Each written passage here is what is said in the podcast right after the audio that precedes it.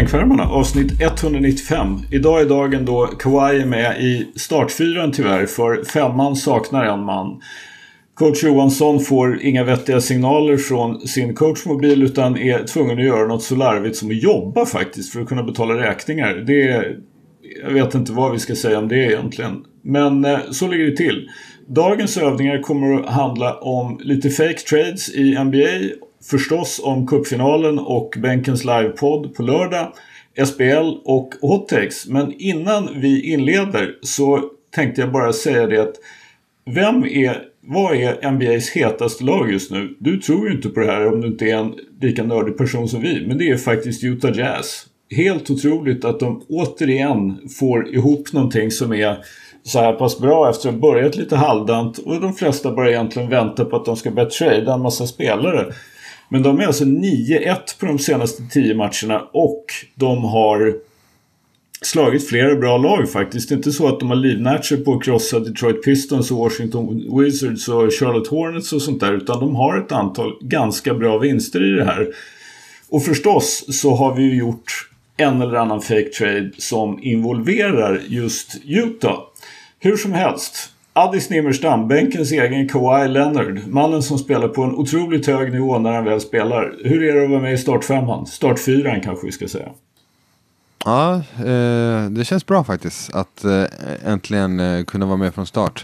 Så nu är det ju bara leveransen som är kvar. Precis, men det, det vet vi ju att det, det, är ju inget, det är ju inget som helst problem. Det ordnar ju du alla dagar i veckan. Eh, Nick, du är ju en hypad herre fast du är tyst just nu för att du sitter och tittar på basket. Hur är det med dig? Alltid fantastiskt kul och fantastiskt bra när jag får podda med er. Det är liksom, jag minns inte en enda gång jag satt mig vid den micken och tänkt fan vad tråkigt det här kommer vara. Där är ju livet, där är ju min höjdpunkt på veckan, det vet ni. Nick, vad tittar du på? Nässjö mot Umeå. Ja men sluta, du tittar ju för fan på Sirius mot Trollhättan i cup uh, omgång ett. Lägg av, du ska fan inte se något. Du är den sista personen i den här podden som ska se något. Lecce, Lecce mot Brescia typ. Lägg av. Lojsan, kollar du också eller kollar du upp Superettan? hade det varit en Superettan-match hade jag kollat. Men nej, jag kollar också här på Umeå Nässjö. Det är nog basketpodd så det är väl Bra att jag kollar på basket. Ja, just, just checking så. Men... Det, jag, tror, jag tror att jag och Addis tillhör ju de som överdoserade igår när det var Martin Luther King Day. Det är ju en, en eh, alltså för det första så är det ju verkligen en eh, Alltså om ni inte är pålästa på Martin Luther King, googla och läs på er. Eh, eller läs upp er eller vad man nu uppdatera er på Martin Luther King. Igår var ju, när vi spelade in det här i tisdag, igår måndag följaktligen var det Martin Luther King Day. Och det är ju en stor dag faktiskt framförallt för NBA av ganska uppenbara orsaker. Och då börjar man spela matcher tidigt. Så jag tror att jag överdoserade i alla fall nästan igår på basket, på NBA-basket. Och det tror att Addis gjorde också, även om det väl till din besvikelse blev så att Knicks förlorade. Visst var det så? De torskade väl mot Orlando, visst var det igår? Ja, ja. precis. Och jag hade OG det på OG-tåget gick på grund. Mm, mm, OG-båten körde av spåret.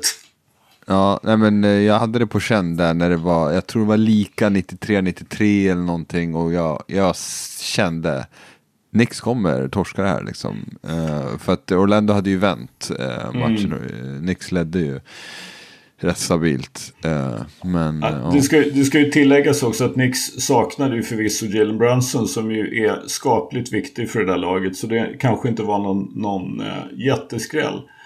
Eh, ja, men Frans saknades i Orlando. Ja, jo, det, det är i och för sig sant. Men jag skulle ändå säga att just, alltså, det blir ju en hel, särskilt nu när Nix har tradat bort Emmanuel Quickly så känns det som att när Brunson är borta så blir det ju ett ganska bra Eh, Eh, ganska rejält drop-off på, på den positionen. Så.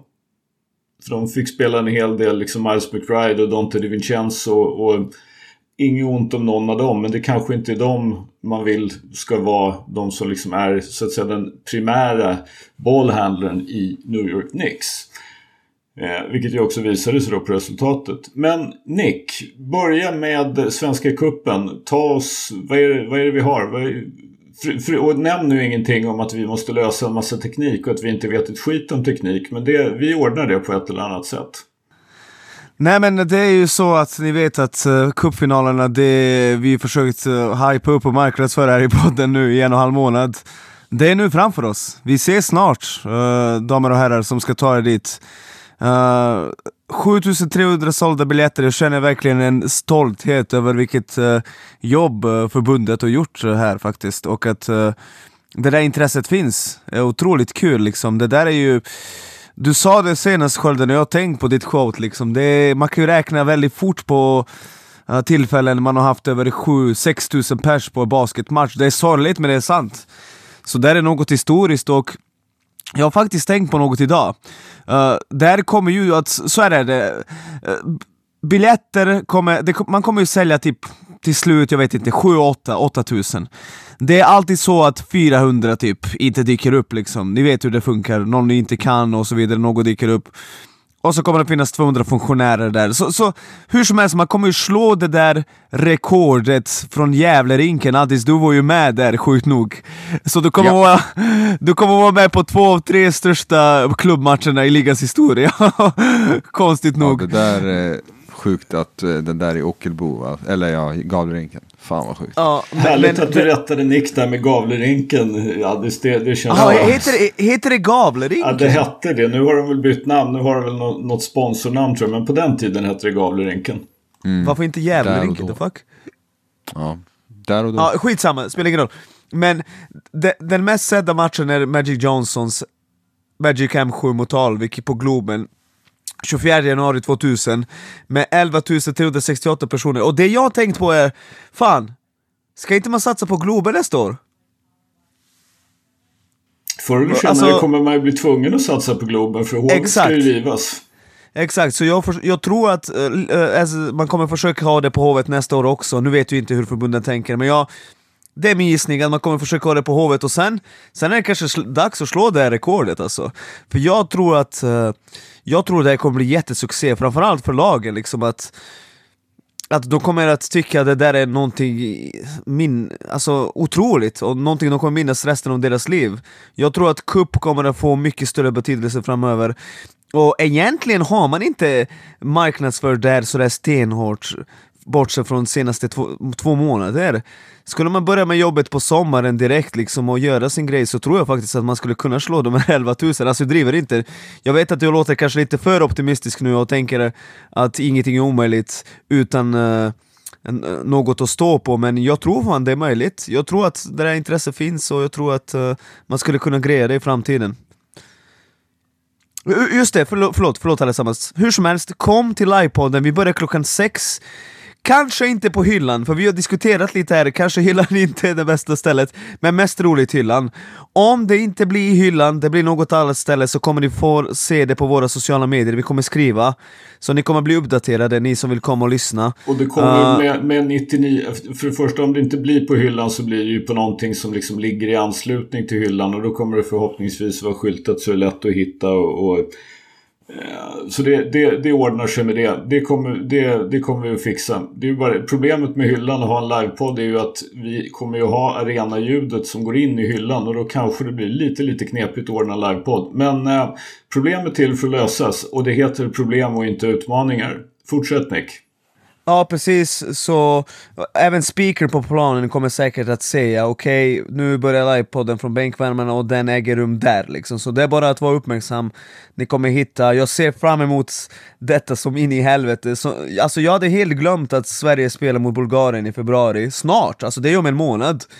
Men jag har typ glömt bort det, för fan vad jag är taggad för det här. Helvete vad man längtar. Jag tror, jag tror det kommer bli en speciell jävla dag för svensk basket och för podden som sagt, det är ju... för mig som ju trots allt har varit på en hel del basket i Sverige i, genom, i mitt liv i många, många år. Så som sagt, över 7000 åskådare har det varit. Ja, jag var ju förstås i Globen och såg Magic Johnson. Jag var inte i Gavlerinken och såg eh, Ockelbo Uppsala var det va, Alice? Salén. Ja, Salén heter det, okej. Okay. Ja, från Uppsala i alla fall. ja. eh, och, och sen har jag sett en och annan landskamp då där vi har haft mer än 7000 åskådare. Men, men that's about it. Så det, det, det, blir ju förstås en happening. Och ja, alla som kan och alla som vill och alla som vill vara någonting i svensk basket kommer ju att försöka vara där. Så det kommer att bli kul. Man, klar och tydlig basket-happening med en mängd roliga grejer som händer under hela dagen. Nu är det ju så här att vi är två totalnördar, ja fyra totalnördar egentligen, men två är kanske nördigare än vi andra. Det är Lojsan och Nick som sitter och kollar på Nässjö-Umeå nu. Och Nässjö spelar ju faktiskt i cupfinalen. Lojsan, scoutingrapport på Nässjö. Kommer de att spöa Norrköping? Om de ska spöa Norrköping så kommer de behöva verkligen spela på sitt A-game. Just nu så lutar det absolut åt eh, Norrköpings eh, håll, för Nässjö är lite upp och ner. Plus att de ligger under just nu mot Umeå, så det... Men allt kan hända i basket, så man ska aldrig säga aldrig. Det är en match. A, plus game då, då, helt enkelt. A plus mm. game för dem. Eh, ja, är vi färdiga med kuppen så länge så kan vi gå till det som ju normalt är vår kärnverksamhet, nämligen NBA.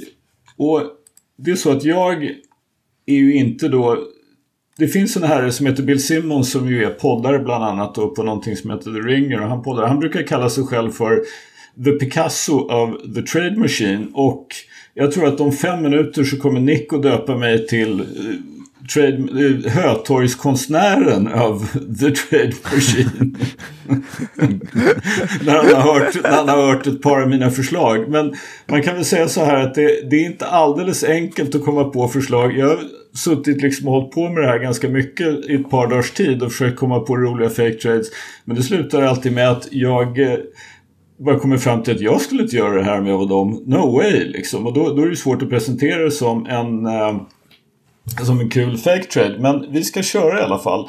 Och det är ju så att vi hade ju en eh, vår kära lyssnare här, Meldemir, han tyckte ju att det var dags att, att Eh, eh Oklahoma tradar till sig Lauri Markkanen helt enkelt. För, eh, för att bli en contender på allvar. De är en contender på allvar ändå. Men med Lauri Markkanen, om de kunde träda till sig honom på ett vettigt sätt så undrar jag om inte de skulle vara favorit. Och jag ska vara helt ärlig och säga att jag tror faktiskt inte att Utah tradar Lauri Markkanen. Han vill vara där. Han är 26 år gammal. De har vunnit nio raka. De har redan tonvis med draftpicks framåt eftersom de har tradat iväg Donovan Mitchell och Rudy Gobert. Och de har alla sina egna picks. Och de, förr eller senare så ska man liksom vinna. Och just för tillfället kan man väl konstatera att de flesta ser, om man tittar på till exempel Detroit Pistons, att eh, det här med rebuild är inte så enkelt som man tror. Inte ens om man heter Danny Ainge och brukar vara väldigt, väldigt bra på att eh, vinna trades. Men jag gjorde i alla fall en fake trade för skojs skull. Och då får man ju räkna med att utöver då spelarna som går emellan så måste ju då Oklahoma skicka massor med picks. Och de har massor med picks så de kan göra den här. Men Josh Giddy, Kenrich Williams, Osman Dieng mot Lauri Markkanen plus, inte vet jag, säg fyra eller fem picks och några swaps. Vad säger du om den, Addis? Uh, ja, du sa Giddy. Vem var den andra spelaren du nämnde? Kenrich Williams och så Osman Dieng. Som mm. Om jag inte ens missminner mig så var det Dieng som Oklahoma tradade bort Schengen för att kunna trada. Eller för att kunna drafta de mm. tradade ner i draften eller om de tradade upp och valde ett gäng i alla fall. Jag kommer inte ihåg exakt men ja. Jag, jag tror som du att eh, eh, Utah inte vill flytta Lauri på grund av eh, många anledningar. Han eh, passar ju Utah-profilen på mm på många sätt. Om ni Ursäkta, vad, vad är Youtube-profilen? Nej, du behöver inte, du behöver inte svara. Du behöver inte svara. All, alla som följer NBA vet vad vi pratar om utan att vi behöver skrika över the rooftops. Ja, nej men eh, bör man ens följa NBA har man bara koll på USA tänker jag. Så, ja, jo. Så, jo. Eh, ja, men hur som helst. Eh, jag tror inte det. Däremot att om, och, och så här, de går ju ganska bra nu. Eh, hade de inte gått bra och ville liksom skeppa honom eh, för att få eh, picks och liknande, liksom, då tror jag att Oklahoma skulle kunna lösa det. Men jag, jag, tror att de ändå hade behövt ge någon mer spelare än, än det du ger. För den enda jag går igång på är egentligen eh, Giddy och det är ju rätt svalt nu också. Han är ju inte jättehet längre skulle jag säga. Nej, det, just, nu är han, just nu är han ju inte superhet, men där kan man väl ändå se att liksom, det är ju en, en han har ju visat tidigare att han har potential och han har ju hamnat i bakgrunden dels på grund av det här eh, anklagelsen om att han skulle ha haft sex med en minderårig som ju hittills inte har lett någon vart men det har ju i alla fall det har ju utretts huruvida det är med det där och han har, Oklahoma har låtit honom spela. Eh, men det ska man tänka sig att hur det, vad som än ligger bakom det eller hur det än har varit så är det ju förstås problematiskt för honom och givetvis även för alla inblandade. Eh, men så hans speltid har gått ner och det går, ja, han spelar ju lite sämre men å andra sidan så spelar ju resten av Oklahoma så fruktansvärt bra så att det är klart att det, det, det märks ju liksom inte ur det perspektivet. Men ja. Mm. Ja, nej men, eh, så jag tror att eh, Utah tackar nej, tyvärr. Men jag tror att Oklahoma skulle kunna lösa den om de ville. Men då får de nog skicka någon av de här lite... Typ Jalen mer... Williams, för de skickar ju inte tjej eller ja. chat. Det gör de nej, inte. exakt. Och det är, exakt. Det är Jalen Williams jag tänkte på då. Mm. Eh, så. Eh, Nick, du hade väl nöjt dig bara om de la till Pokusevski, eller? Pokobåten, alltså ni garvar ju. Ni garvar ju. Fuck, alltså. Pokusevski kommer någon gång i våra liv att göra något stort. Sen vet jag inte om det kommer... I NBA sen, sen, eller? Sen, sen, vet jag inte om det kommer att vara typ sådär VM-semifinal. Jag vet inte om det kommer att vara, ah, kanske när han tradas vidare till Chicago Bulls och tillsammans med Kobe White tar laget till 27 vinster 2026. Liksom det... Jag ser det Nick, cupfinal i Globen. 2028. Bukjetski leder Köping till final mot Alltså ni, eh, ni är jävligt låga på Poku, jävligt låga. Fuck. Alltså det finns väl ingen anledning för någon att vara hög på Pokusevski faktiskt om man ska vara helt ärlig. Alltså, han, han är 22 bast, han är 2,13 och han kan hantera bollen. Kan vi ge honom det? Det är ju bara facts. Nick, kan vad, vi ge honom vad det? säger du om min spåkula då? Gerke skickar hem Pokusevski om två år. Han passar inte in i spelstilen. Låt det ske. Det. Ja, det är, nej, nej men uh, han är... Alltså, han är bara, bra. Jag tänkte säga han är bra. För, för, er som inte, för er som inte är tillräckligt nördiga eller vad man nu ska säga så är det alltså så här att Pokusevski spelar för Oklahoma City Thunder. Han, det är hans fjärde säsong. I år har han spelat i sju matcher och gjort totalt 43 minuter. Han snittar under en poäng per match och så, och så vidare och så vidare. Det, vi kan konstatera att karriären går inte så bra för Pokusevski just nu. Nu går vi vidare till den trade som kommer att göra att eh, Nick kommer att eh, vilja sänka mig till den nivå som Pokusevski-båten ligger på om två år när Gerka har skickat hem honom från Köping. Eh, ett annat lag som har gått ganska bra, det är lite roligt för Nick sa ju till mig sådär att liksom, ja, den här Donovan Mitchell-båten den går ju inget bra överhuvudtaget, det går ju värdelöst. Cleveland Cavaliers är plötsligt, eh, de har gått 7-3 på de senaste 10. De saknar alltså Darius Garland och Evan Mobley. Eh, och det blir addition by subtraction märkvärdigt nog. Det kan man ju tycka är jävligt konstigt och det är det ju. Men eh, Cavs är alltså fem raka vinster, 7-3. Donovan Mitchell spelar otroligt bra just nu. Och då tänkte jag att då gör vi en trade för folk som de ju då tydligen behöver och som passar för dem. Cavs skickar Darius Garland till Brooklyn Nets och får tillbaka Mike, Michael Bridges och Dorian Finney-Smith. Jag säger att det är en bra trade. Alltså det är dags att splitta på skiten, jag har sagt det fan hela säsongen. Har inte jag sagt hela säsongen att fan, de är ju alltid som bäst när det är två spelare som är borta? De mm. passar inte ihop, alltså ibland måste man bara titta i spegeln och säga Fuck, det är ett gäng dudes som kan lira. De spelar inte bra med varandra. De är inte bara 7-3, jag tror de är typ sådär 9-3 eller 10-3 senaste 13 Kolla upp det själv den oh, alltså, det, kan, det kan vara något sånt. Ja, och, och, och då, då har de liksom inte folk de, de, de kastar in konstigt folk i rotationen men det går ju bra för det är så det är. De passar inte Garland och Mitchell framförallt, men mm. även Mobley och Allen, även fast de har gjort sin grej defensivt. I slutändan, det är dags, det är dags att gå vidare. Jag är väldigt nära att hoppa av Cleveland Cavs-båten. Uh, inte för att jag inte gillar spelarna, jag, följ, alltså jag följde Cavs när de stank och Andre Drummond var starting center för att jag älskade Garland. Och Garland är sjukt bra, han är ju Allstar-nivåspelare nivå spelare liksom. Men han och Mitchell kommer aldrig åstadkomma något, det kan alla säga. Så den här traden är ju skitbra för båda lagen. Det var faktiskt lite så jag tyckte. Sen är det ju också så naturligtvis om man tycker, om man, det ryktas ju om då att, alltså Garland har ju det här året och fem år till kvar på kontraktet. Nej, han, han har det här året och fyra år till på kontraktet. Eh, men om man vill kan man ju byta ut Donovan Mitchell mot eh, Darius Garland och skicka honom och få tillbaka Bridges och Dorian Finney-Smith. Eh, det funkar också med löner och eh, det har ju pratats om att Donovan Mitchell vill till New York och kanske egentligen helst av allt till New York Knicks. Men problemet där är ju att där spelar ju Jalen Brunson och vi kan väl konstatera att de skulle förmodligen få motsvarande problem som Garland och Mitchell har. Nämligen hur ska vi dela på bollen och eh, hur ska vi klara av att spela försvar på lag när vi har två små guards. Så det var därför jag tyckte att Brooklyn Nets kändes som den eh, rimliga tradepartnern i det här sammanhanget. Men eh, sen, jag har... Nick, vem, förlåt, ja. Nick, vem skickar du helst? Donovan eller Garland? Givetvis skickar jag helst eh, Donovan, för Garland är min guy. Jag älskar hans mm. game. Älskar. Jag okay. tror att han har fortfarande nya nivåer att nå. Bara hans passningsförmåga och skottförmåga. Uh, han är äckligt bra, men samtidigt, jag förstår om du skulle trada honom. Jag förstår det verkligen. Mm. Alltså, Måste säger... han vara i Cleveland för att vara din guy? Nej, nej, nej. nej. Alltså, är det bara för att du är på Cleveland-tåget liksom?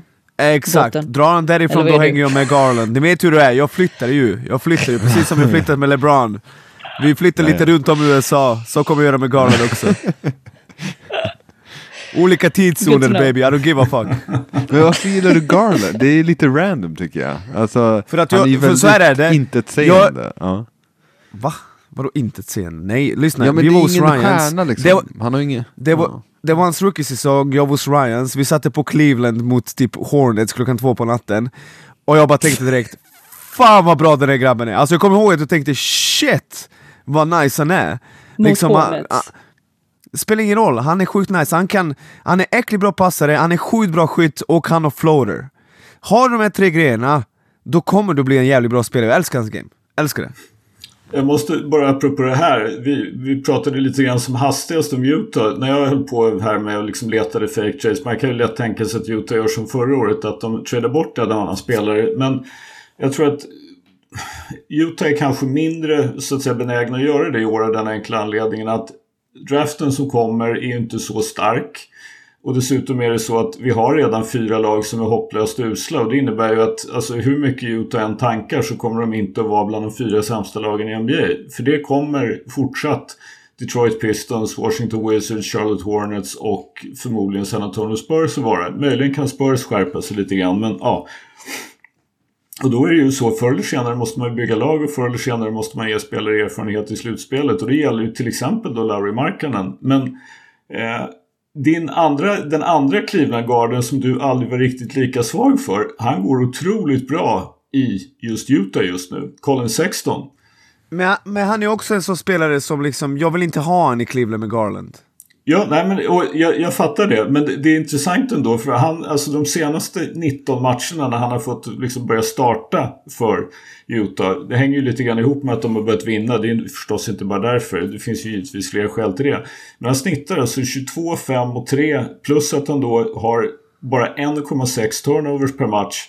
Och han skjuter 42% från 3. Han skjuter totalt 52%. Så han skjuter alltså 52, 42, 91 under de här senaste, under de här senaste 90, 19 matcherna för Utah Jazz. Det är faktiskt lite intressant. Men jag har en trade till som berör Cleveland Cavaliers och då har jag valt att splitta på centrarna.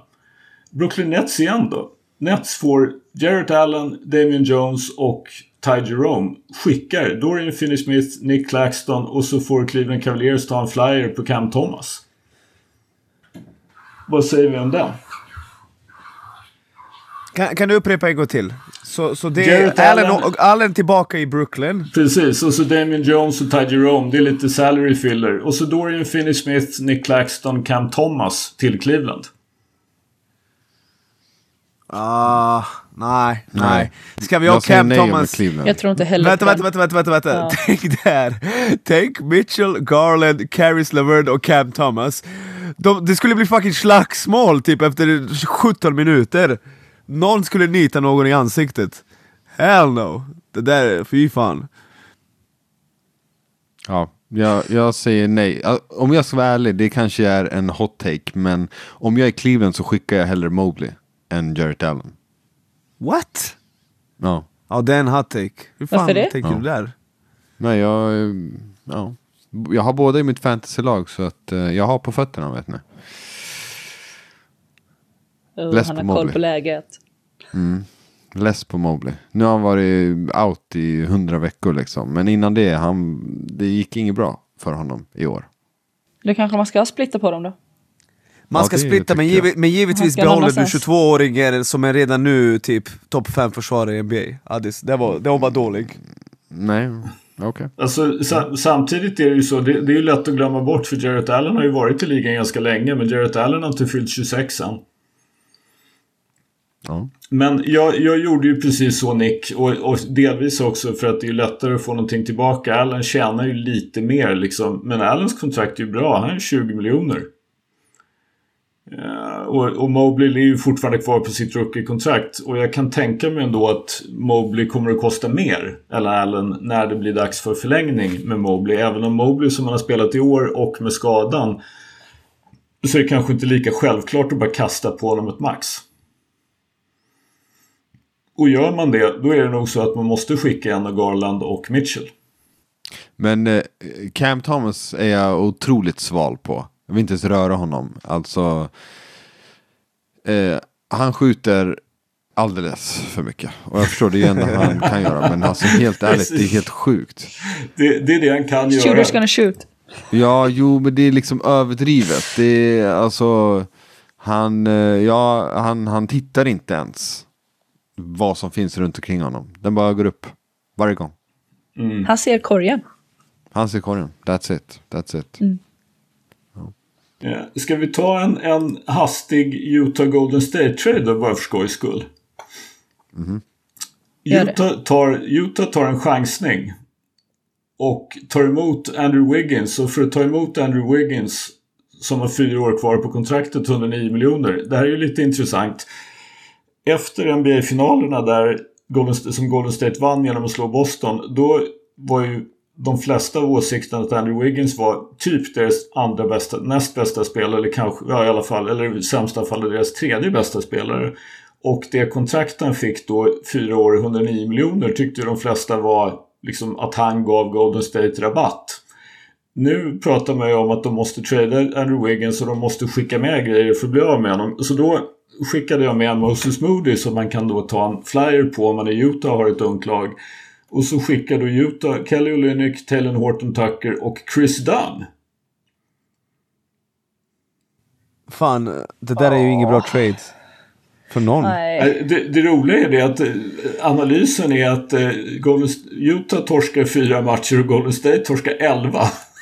Ja, jag ser det. Båda blir sämre. Ja, men det känns ju som en trade som gör båda lagen sämre direkt liksom. Otroligt nog. De passade inte in i Golden State. Jag ser inte vad de skulle liksom tillföra där och vad de... Nej.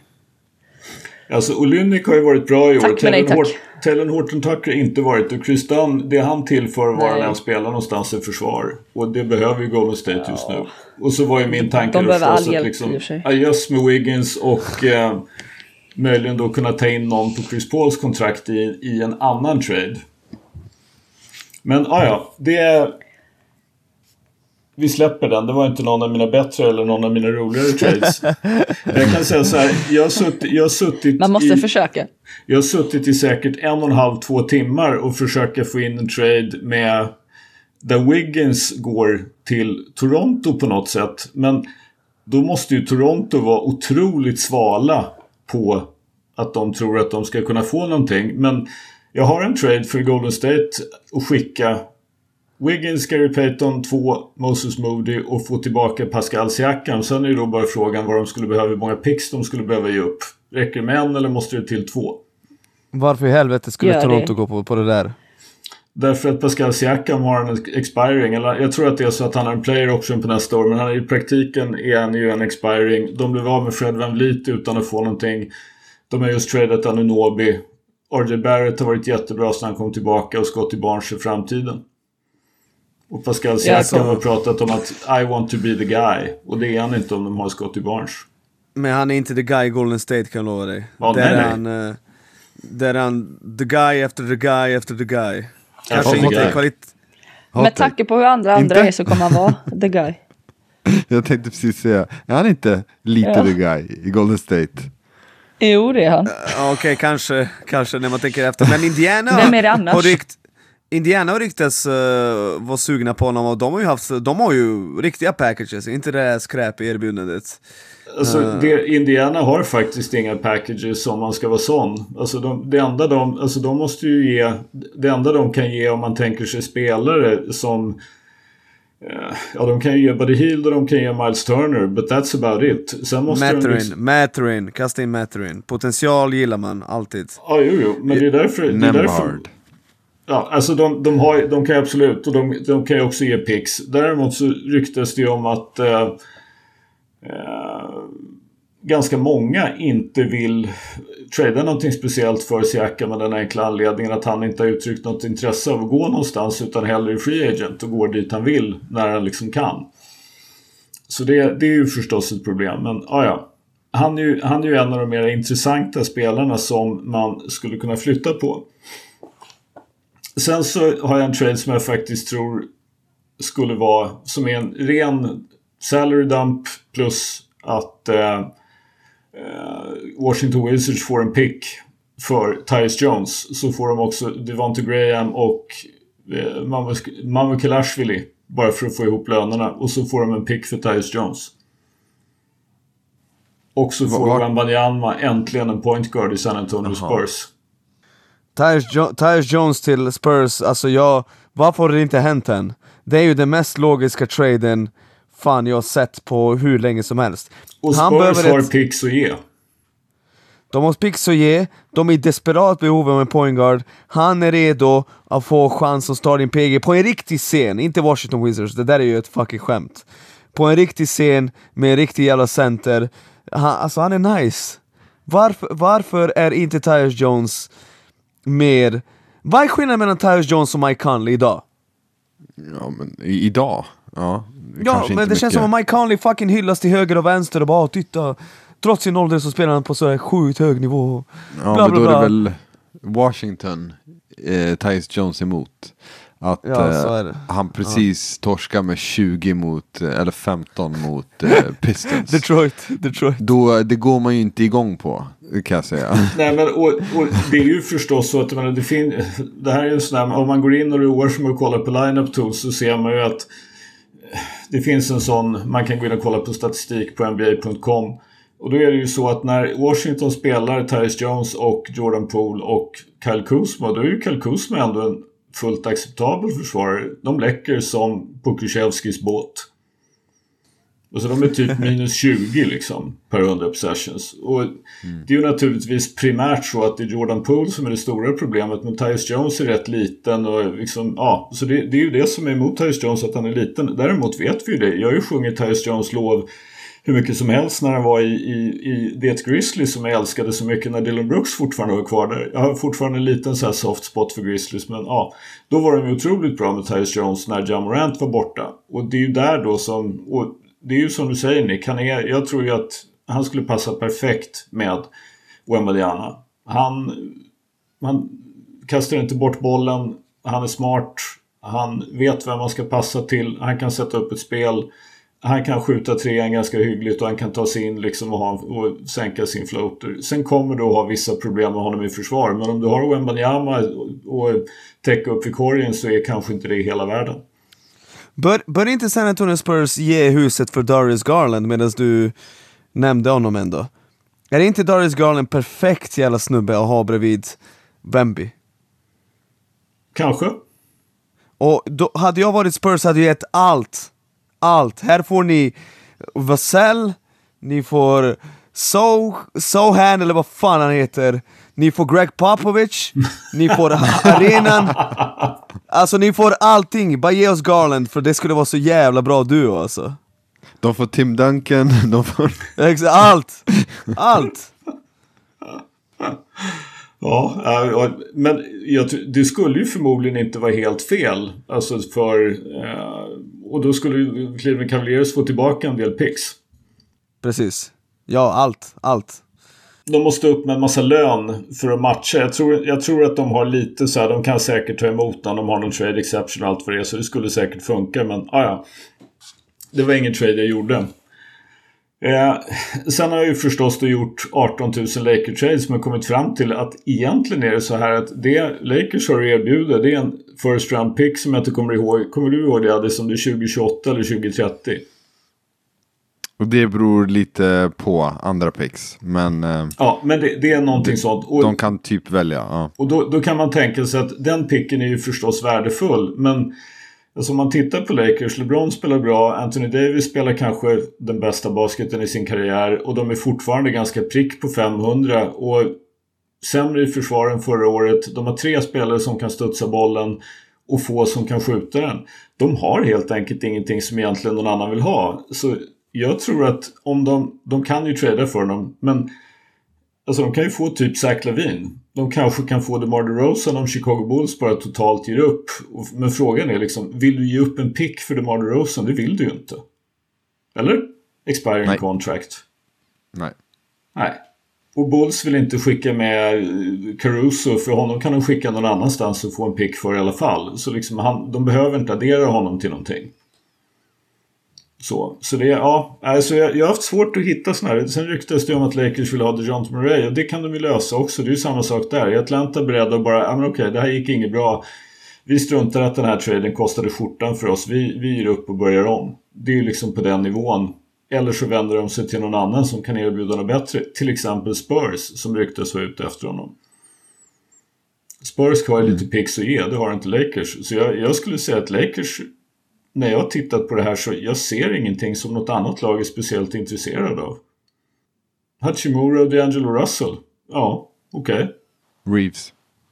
Ja, men då, då tycker jag, då blir det ju på något sätt så för, för Los Angeles. Även om de är minus i princip i alla konstellationer Reeves är med i.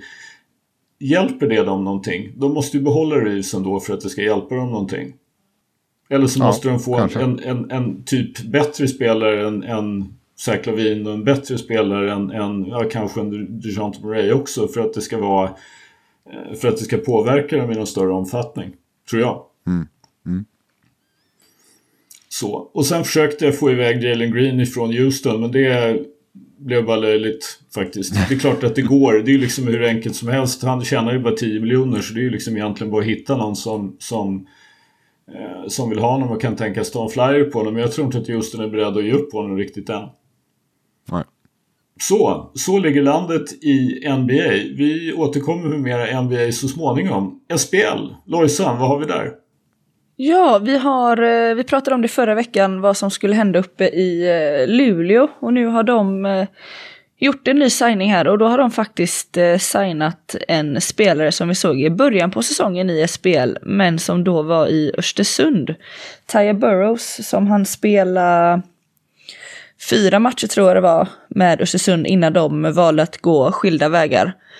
Så det är lite intressant att Luleå nu har tagit henne och eh, ja, får se vad hon kan göra där. Det, det, jag, det lilla jag kan se av henne var att jag tyckte hon, eh, att hon var bra, men Nick, du var lite mer tveksam. Jag var tveksam med tanke på att jag har sett henne spela, jag blev inte imponerad och Luleå har gått från att ha tre av de bästa importerna vi sett i ligan förra året till att nöja sig med att signa kickade spelare från Östersund. Liksom. Det, är, det är nog det. Hade liksom Alvik eller Mark signat henne, eller Uppsala till och med, så hade jag sagt ah, okej, jag, jag förstår visionen. Men nu känns det bara, vad fan händer där uppe? Ja, det, det kan man undra. Sen tror jag det är, alltså de skorna som de har lämnat, eller vad ska man säga, de skorna är svåra att fylla. De har verkligen haft riktigt bra importer de senaste två åren. Med Bria Goss och inte. Brooke McCarty. Så det känns väl nästan lite som att oavsett vad de tar in att det blir lite sämre på något vis. Och sen också att Ellen Nyström försvann. Gör ju också jättemycket. Men vi får se om detta är en fick för eh, Alice Luleå. Nyström. Ja, och Alice nu också Skada. med sin hälsena. Ja, Och medan vi är där, Pontoro som ändå spelade 10-15 minuter per match, hon är också borta. Alltså Ja. det där raset, det är Försvarare. sällan, alltså det där raset ser du sällan i svensk basket. Alltså nivåmässigt, för mig är det fan nästan otänkbart. Hur fan gick de från fjolårets lag till det här? Ja, jag vet inte om det är imponerande eller om det är... vad man ska kon, det. är konstigt, det måste man det- ändå säga. Det, det är skumt. Det är skumt. Ja. Men de, ja, de har lyckats vinna matchen ändå, men ja, ska de vara i toppen i år och försöka gå för guldet så behövs, så behövs det ju något mer. Jag menar, Södertälje är, de är riktigt bra i år. Norrköping tycker jag blir bättre och bättre. Östersund har ett bra lag nu när de har sina tre importer där, så det, är- det är tufft där uppe. Och ska de ha en chans så behövs det mer nu när de har tappat eh, spelare. Och framförallt också att de har tappat Alice under säsongen. Hon är eh, väldigt viktig eh, för dem och hon är framförallt en spelare som gör väldigt mycket nytta under slutspel för dem. Så det blir också tufft, tufft tapp. Men förutom det så har det inte hänt så mycket. Utan det är ju cupfinal nu på, på lördag, då är det just Södertälje mot Luleå. Får vi se om hon är eh, spelklar tills eh, dess eller inte. Ska bli intressant att se. Något jag tänkt på som Mm. inte nämnt med cupfinalerna vi får se hur de här lagen reagerar när man spelar i en sådär stor hall med sådär mycket folk, för det är inte samma sak.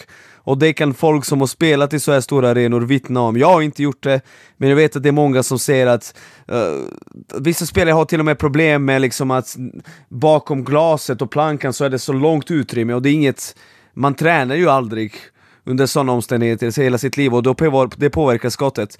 Ett, Eh, jag, jag drar en hot redan nu. Ah, Samtliga fyra lag kommer att skjuta dåliga procent från tre. Jag kallar den.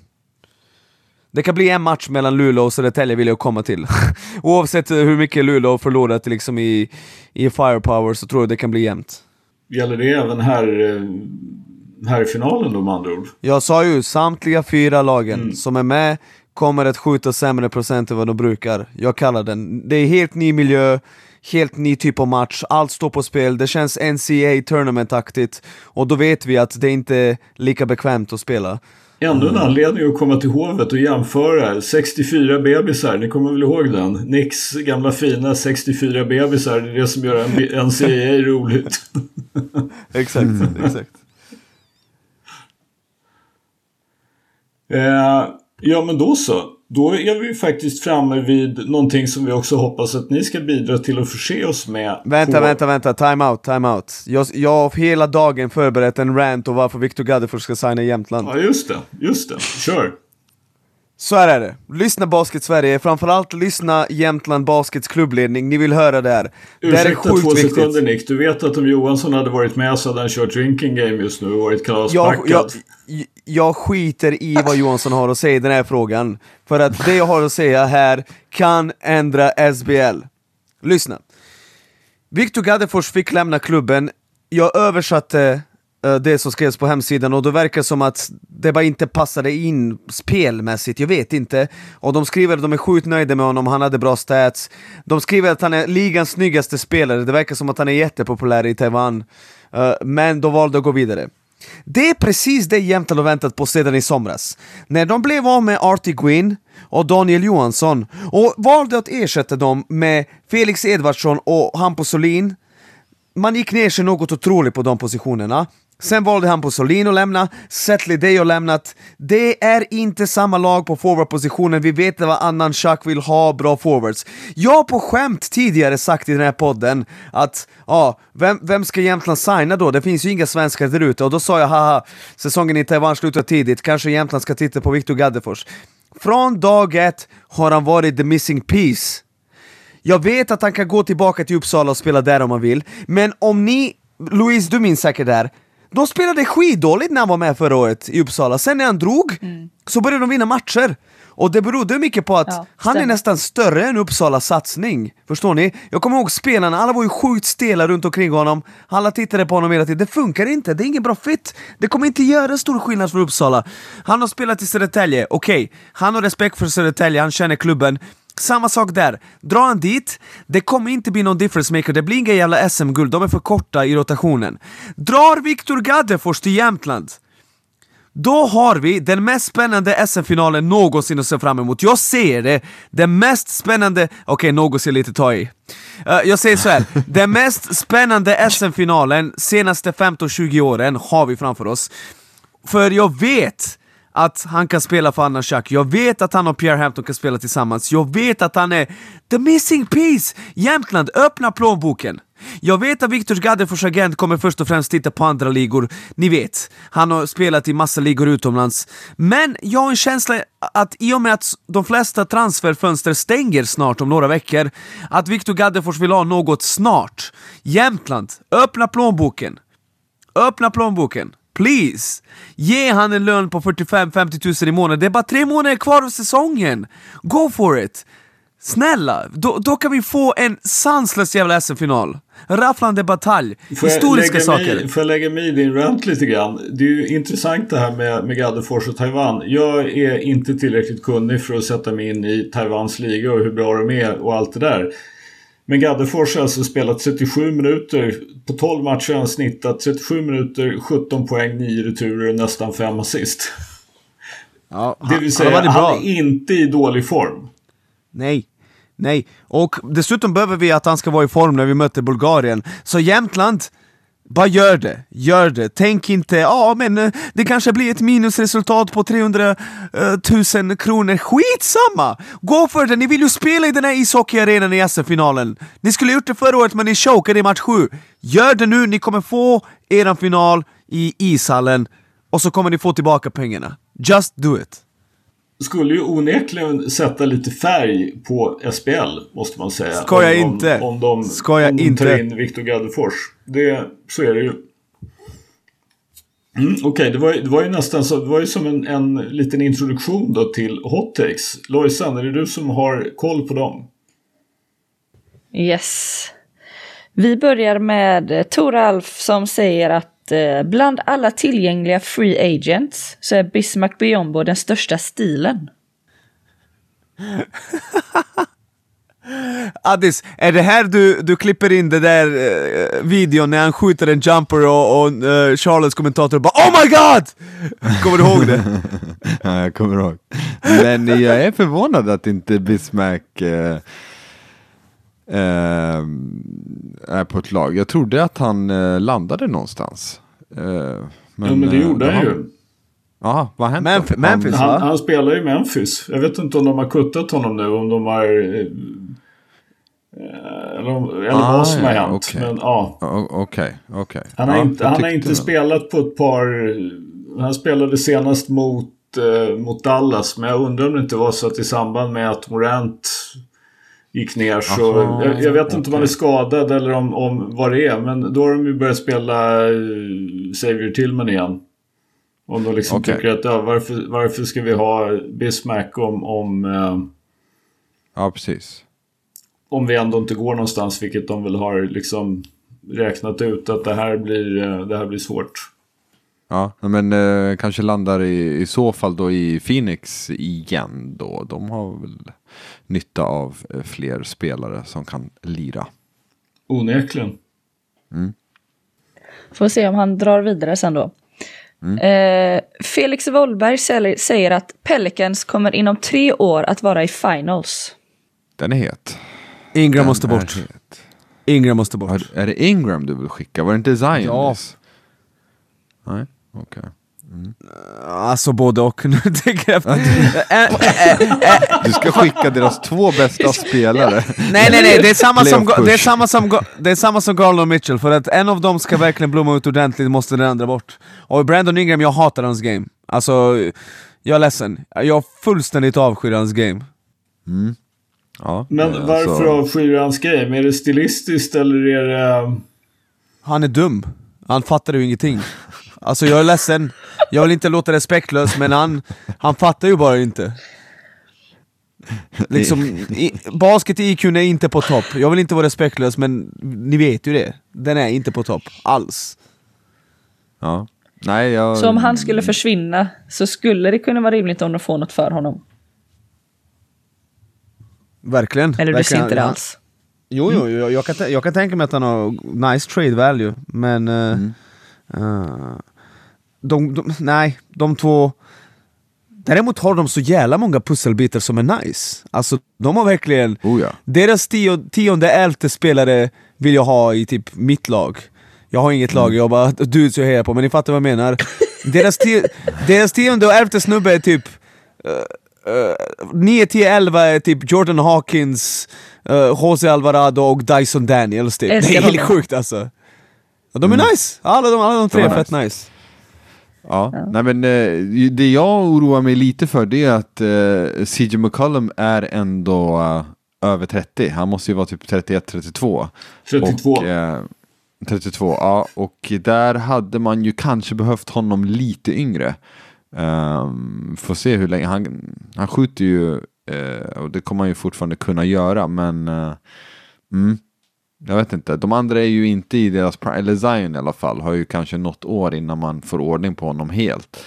Och då hade jag ju önskat att inte CJ var 34 liksom. Eller i Wolbergs fall då var det tre år, då är han 35 bast Ja. liksom. Mm. Så ja, jag, jag tyckte de pushade den där lite konstigt, CJ McCollum-grejen. Det, det var lite märkligt. Alltså hela, när de löste Den traden.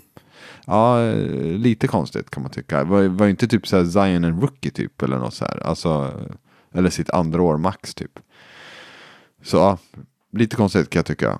Men eh, ja, de har bra pusselbitar. Kan de få någonting nice för Ingram så hade jag ju lätt kunnat skicka honom också. Jag vet bara inte vad man får som gör dem bättre. Vad behöver de ens? Jag vet inte. De har så jävla många spelare. De behöver typ spets. Någon Ja, med men basket-IQ då. Ja, precis. Någon med IQ. Vill, vill bara så här för, för ordningens skull tillägga att Pelicans är 7-3 på de sista 10 och eh, Ingram är faktiskt rätt bra just nu. Sen kan man ju ha, sen kan man ju då som du har Nick, eh, ha synpunkter på hans game men, men som sagt de de spelar, de, nu tror jag i och för sig, nu har de typ två raka torskar eller något sånt där mot Dallas och Denver eller vad det är och då har Ingram absolut inte varit bra men, men tidigare har de ju haft liksom blowouts och ja, vunnit hur enkelt som helst. Ja. Slog ju bland annat Golden State med 36 som jag tror att Lojsan har förträngt redan. Jag vet inte ens vilket lag du pratar om för det existerar typ inte längre. Golden State. Oh. Ja, det. Hoppat av båten. Ja, ja, nej. Men eh, vi har det tufft där nere på botten just nu. Hoppa av! Hoppa av! Jag är inte som dig Nick, jag hoppar inte av när det går jobbigt, okej? Du, det Men var vi går vidare. eh, Isak säger att eh, Jalen Brunson kommer vara bästa pointguard i öst i slutspelen. Eh, då ska vi tänka, vad har vi för Vilka några? andra guards Holiday, har vi där? Maxi, Eh, Lillard. Halliburton. Ja, precis. Ja, just det. Det är väl dem. Men eh, det kan han ju vara. Alltså det tror jag. Det är väl rimligt. Vi har ju Eller? även Darius Garland och Donovan Mitchell. Ja det är ju sant i och för sig. Men eh, ja, men det är ju inte orimligt. Alltså Brunson är ju jäkligt nice alltså. Jag... Kobe White. Kuppar in. Han, han, trodde, han trodde att vi inte skulle märka. Han trodde att vi inte skulle märka. Jag tyckte att jag stretchade med Drew Holiday och så kommer in och droppar Kobe White. Jag, jag har en till hot take, jag har en till high take. Jag tycker inte Jalen Brunson är en point guard. Jag, alltså jag, jag är trött på den här uh, point guard-snacket. Vi måste ju fan uh, utvärdera och omvärdera vad en point guard är. Shea Gilgis Alexander är inte en point guard. Jalen Brunson är inte en point guard. Båda de två är renodlade scorers. De är bucket getters. Så, Men, men vem vi, är vi, point guard i Knicks då? de spelar point guard fritt. Nej, Jo! jag håller Han inte är med alltså- om det. Tycker du att Jalen Brunson är point guard? Det är galet. Ja, alltså, Lyssna så här är det ju trots allt Nick, för att låna en takt av dig. Att ett, det är han som har bollen, det är han som sätter upp spelen. Däremot så avslutar ju Brunsons anfall mer så att säga än vad en, en, en traditionell point guard gör.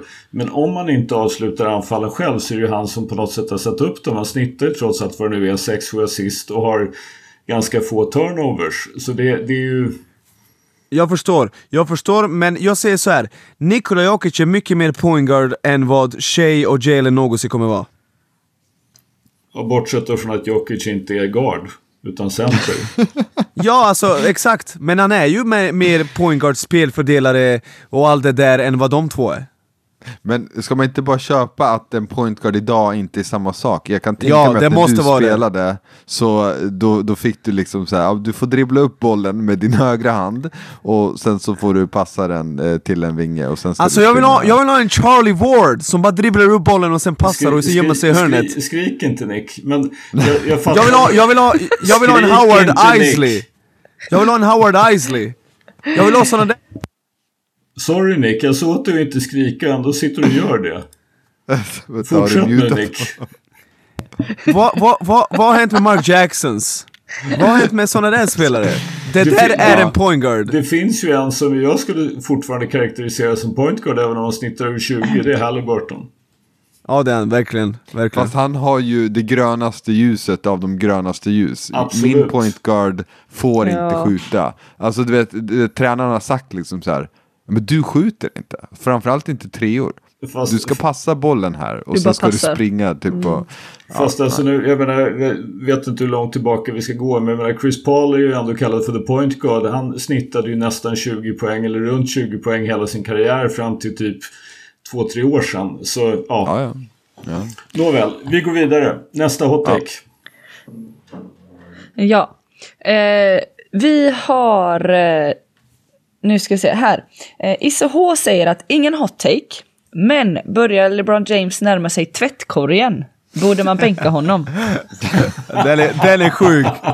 Det, det är Sköldens, eh, vad heter det, burner som har skickat in Burner. den där. Ingen hot Olof take. och Skölden delar på en eh, burner. Precis, kul att han börjar med ingen hatek som att liksom ah det där är ju, det där är inget nytt. Han är i tvättkorgen. Och precis eh, slagit eh, OKC. eh, med liksom så här eh, 25 poäng och 7-7 typ eller någonting. Ja. Eh, nej, Så nej. Det han är är inte i tvättkorgen. hot take eller inte hot take, han är inte där. Så är det bara. Jag, jag skulle säga att han, han, eh, han har nog inte ens riktigt faktiskt en tid bokad. Eller han har en tid bokad i tvättstugan men det är jävligt oklart när den tiden infaller. Eh, ja. Det är han som Det är- tvättar, det är inte han som är i korgen. Ja, exakt. han tvättar Han slänger in alla andra. Eh, Ja, exakt. Wiggins är också med där. ja, exakt. Ehm, vi har Abdul som säger att om man jämför den här podden med Gills Arena så har vi några karaktärer som matchar ganska bra med varandra. Nick är Rashad McCant som chockar the audience med sina resonemang. Skölden är Kenyon Martin som stör sig på det mesta Nick säger. Sen har vi coach Johansson som är Gilbert Arenas som ofta säger smarta saker men ändå stör sig på Nick. Och slutligen Addis som är programledaren som startar konversationen och sedan har roligt medan resten går lös på varandra. Alltså, jag, jag, vill bara inv- jag vill framförallt invända mot en sak och det säger Gilbert Arenas verkligen smarta saker. Eh, Alltså han sa ju nyss att New York Knicks kan inte bygga runt Brunson och Randall, då behöver en riktig superstjärna som Jalen Green. Eh, Jag bara låter det vara där liksom. Som Jalen Green. Ja, han sa Jalen Green. Jag vet inte om ni har sett det. Nej, jag, hade, jag hade faktiskt missat det men jag kan inte påstå att jag är helt förvånad att det är Gilbert Arenas som säger det. Nej, Jag är nöjdast med jämförelsen för att ni andra, jag tycker de andra är ju puckon. Så att... Eh... ja men vadå? Ja. Ja, även som sagt. Är ju en tokstolle. Alltså...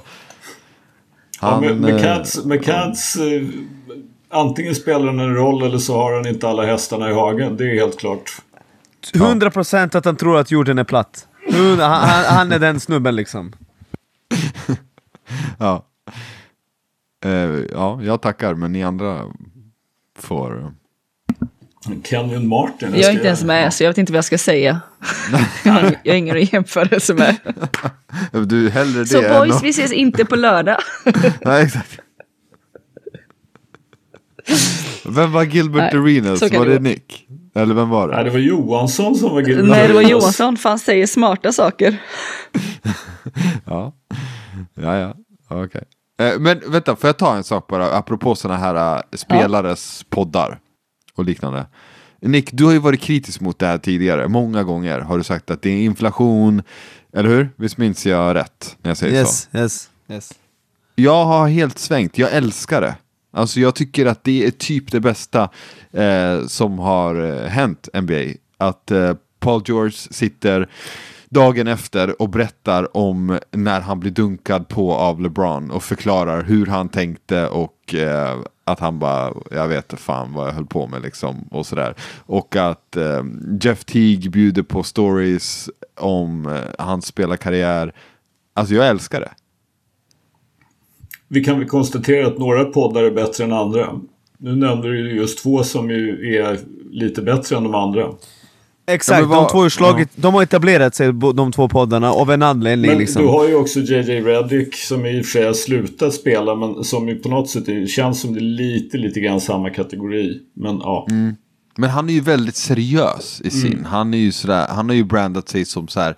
Jag är den här smarta eh, killen efter spelarkarriären. Ja, analytikern, exakt. Och så här, vi måste sluta prata om det här liksom så. Jag vet jag gillar, jag gillar dem där när de sitter och snackar. De är, det finns ju fler, nu, nu blankar jag så här på rak arm. Men Kevin Garnett och Paul Pierce. Ja, otroligt underhållande.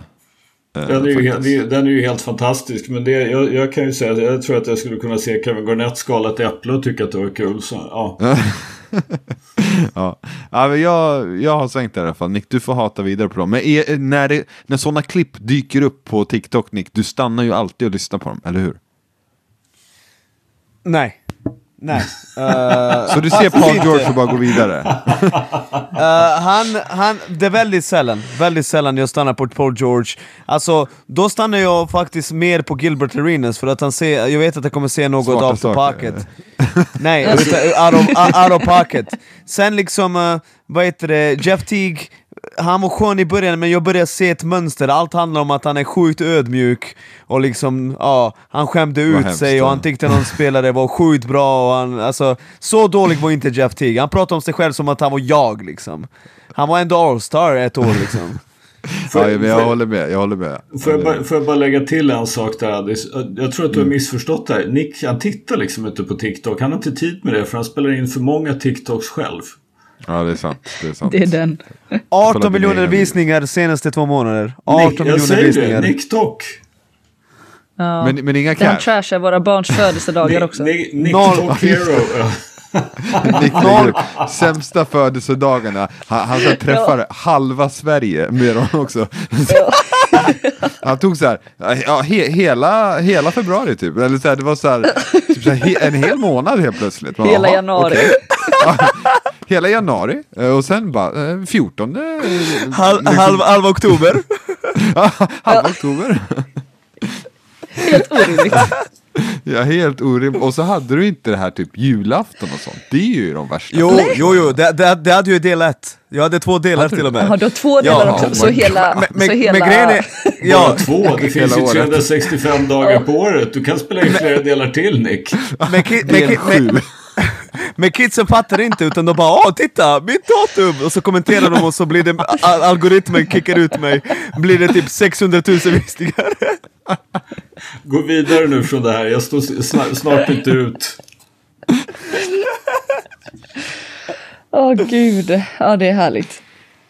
Eh, vi avslutar med Karl-Henrik Aldén som säger att OKC kommer vinna två championships inom sex år och Chet kommer vinna minst en finals MVP. Ja, det låter väl inte speciellt otroligt. Någotdera. Ärligt Tyvärr talat. ja, säger jag. Tyvärr. Nej, jag håller med. Tyvärr. Tyvärr. Jag, vet, jag vet inte varför. Jag gillar inte OKC. Jag har sagt det förut. Jag, säger, Va? jag, jag gillar dem inte riktigt. Jag vet Ja, men jag inte gillar inte, jag, jag gillar inte laget. Nej, Alltså, men precis. det är smutsigt liksom, laget. Från Ni är första början. sjuka. Ni är men helt de- sjuka. Va? De stal På ju ett vilket lag sätt är för det fan. smutsigt? Ja men de stal ju Seattle och bara, "Nej, nej, nej nu drar vi till Oklahoma. Alltså jag Men det är inte grabbarnas fel nu som lirar. Nej, men eh, det, jag är långsint. Jag, Ja, okej. menar So alltså, you have a problem. Ja, no, kanske. Men alltså Durant gör liksom en säsong i Seattle sen bara, nej men nu tar vi honom till Oklahoma. Och han är vår. Eh, jag kommer inte över det. Så att, eh, nej. Ja, det, det är inte... Ja, så jag, det kan ske, men det är tråkigt om det sker. Sen har enkelt. fula färger också. Otroligt fula. Va? Ja. Och, Vad är det för fel orange. på blå Men i och för sig, Nix har ju fan orange? också. Men eh, ja. Jag vet inte. Ja, det, det, där, det där var ingen logik så, Nej, men det är, och Thunder, vad är det för jävla namn också? Det är ju så oseriöst också. sån hater!